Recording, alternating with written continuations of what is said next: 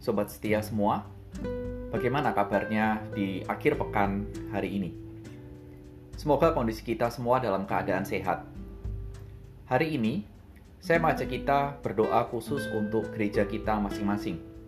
Biarlah Tuhan boleh memelihara iman dari jemaat gereja, gembala sidang yang mengembalakan, dan semua jemaat yang sedang bergumul kiranya di tengah-tengah pandemik yang belum selesai ini Tuhan tetap memelihara dan melindungi. Hari ini kita akan melanjutkan pembahasan dari Lukas 22 ayat 31 sampai dengan 38. Dan saya memberikan sebuah tema failing forward atau gagal dan maju. Dan nats kita akan dibacakan oleh Nurse Wulan yang berada di SHLV. Terima kasih untuk support di tengah-tengah sibuknya pekerjaan sebagai seorang nurse.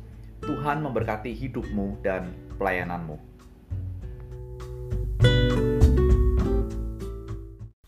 Lukas 22 ayat 31 sampai 38. Simon, Simon, lihat.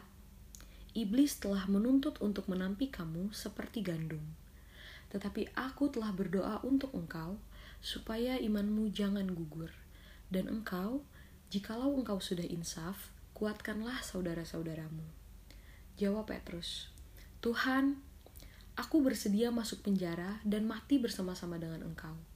Tetapi Yesus berkata, Aku berkata kepadamu, Petrus, hari ini ayam tidak akan berkokok sebelum engkau tiga kali menyangkal bahwa engkau mengenal aku. Lalu ia berkata kepada mereka, Ketika aku mengutus kamu dengan tiada membawa pundi-pundi, bekal dan kasut, adakah kamu kekurangan apa-apa? Jawab mereka, suatu pun tidak. Katanya kepada mereka, tetapi sekarang ini, siapa yang mempunyai pundi-pundi, hendaklah ia membawanya. Demikian juga yang mempunyai bekal.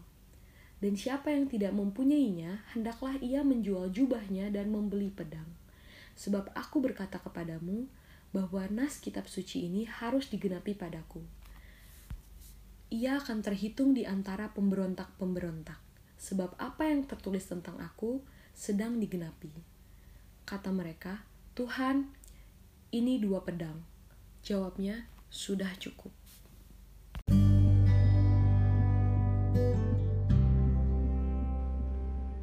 Mari sekarang kita berdoa bersama-sama.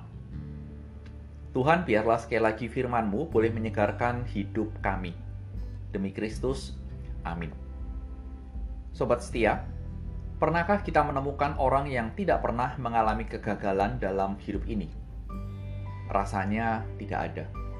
Setiap manusia pernah gagal selain Kristus. Yang sering kali terjadi dalam kegagalan itu tidak jarang membuat manusia terperosok dan sulit keluar dari titik jatuhnya. Dan ditambah dengan bertanya, apa tujuannya Tuhan mengizinkan kegagalan seperti itu dalam kehidupan ini? Bukankah hidup sudah sudah susah? Cukuplah. Bila kita bertanya, Apakah ada jalan keluar bagi orang yang seperti itu? Ada. Caranya?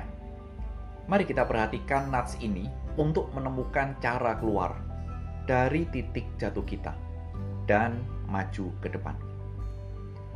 Setelah perjamuan kudus, Tuhan Yesus mengingatkan murid-muridnya bahwa mereka akan menghadapi tantangan yang berat dalam waktu-waktu ke depan. Dan ternyata Tuhan Yesus secara khusus menunjuk satu murid yang bernama Simon atau yang kita kenal dengan nama Petrus dalam fokusnya ini. Ternyata Simon menjadi salah satu orang yang diincar oleh iblis untuk diserang dan diruntuhkan kehidupan dan imannya. Bila kita melihat hal ini, maka ternyata bukan saja Simon yang pernah mengalami itu.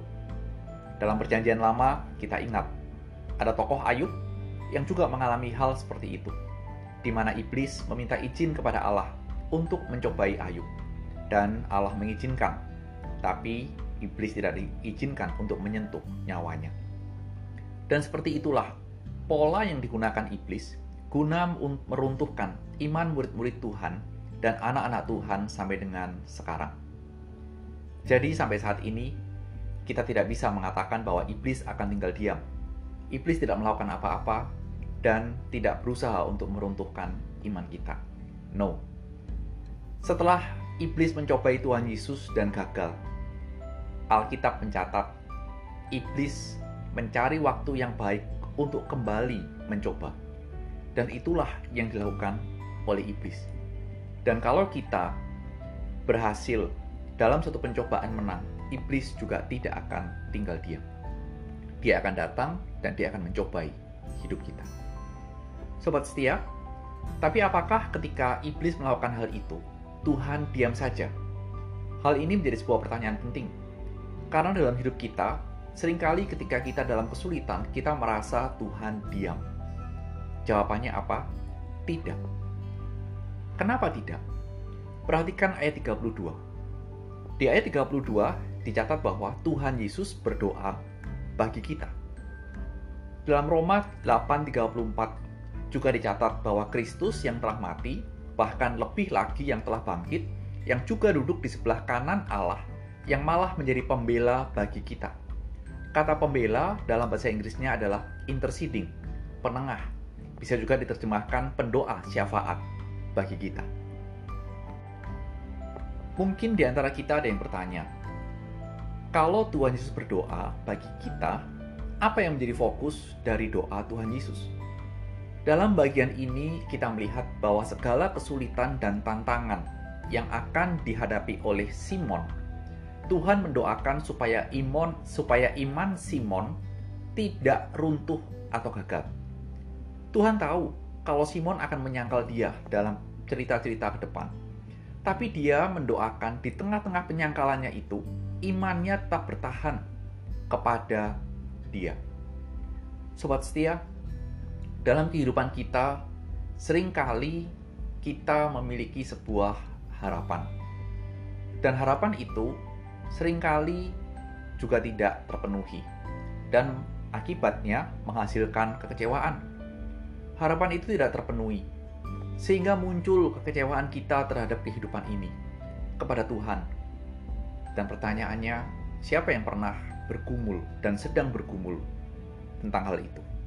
Sampai kita mengata-ngatai Tuhan bahwa kalau Tuhan itu kasih, kok hidupku seperti ini? Kalau Tuhan itu baik, kok hidupku susahnya mentok, susah pol orang Jawa ngomong. Dan lain-lain sampai akhirnya kita menyimpulkan dengan pikiran kita kalau Tuhan itu absurd.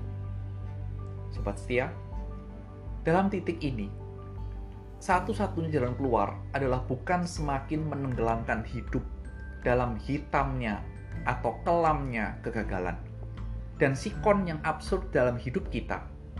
Tetapi jalan keluarnya adalah dengan berbalik. Itulah yang Tuhan Yesus ajarkan dan doakan. Kalau engkau berbalik, bertobat dari kegagalanmu yang kekejam, yang kelam, maka kuatkan saudara-saudaramu.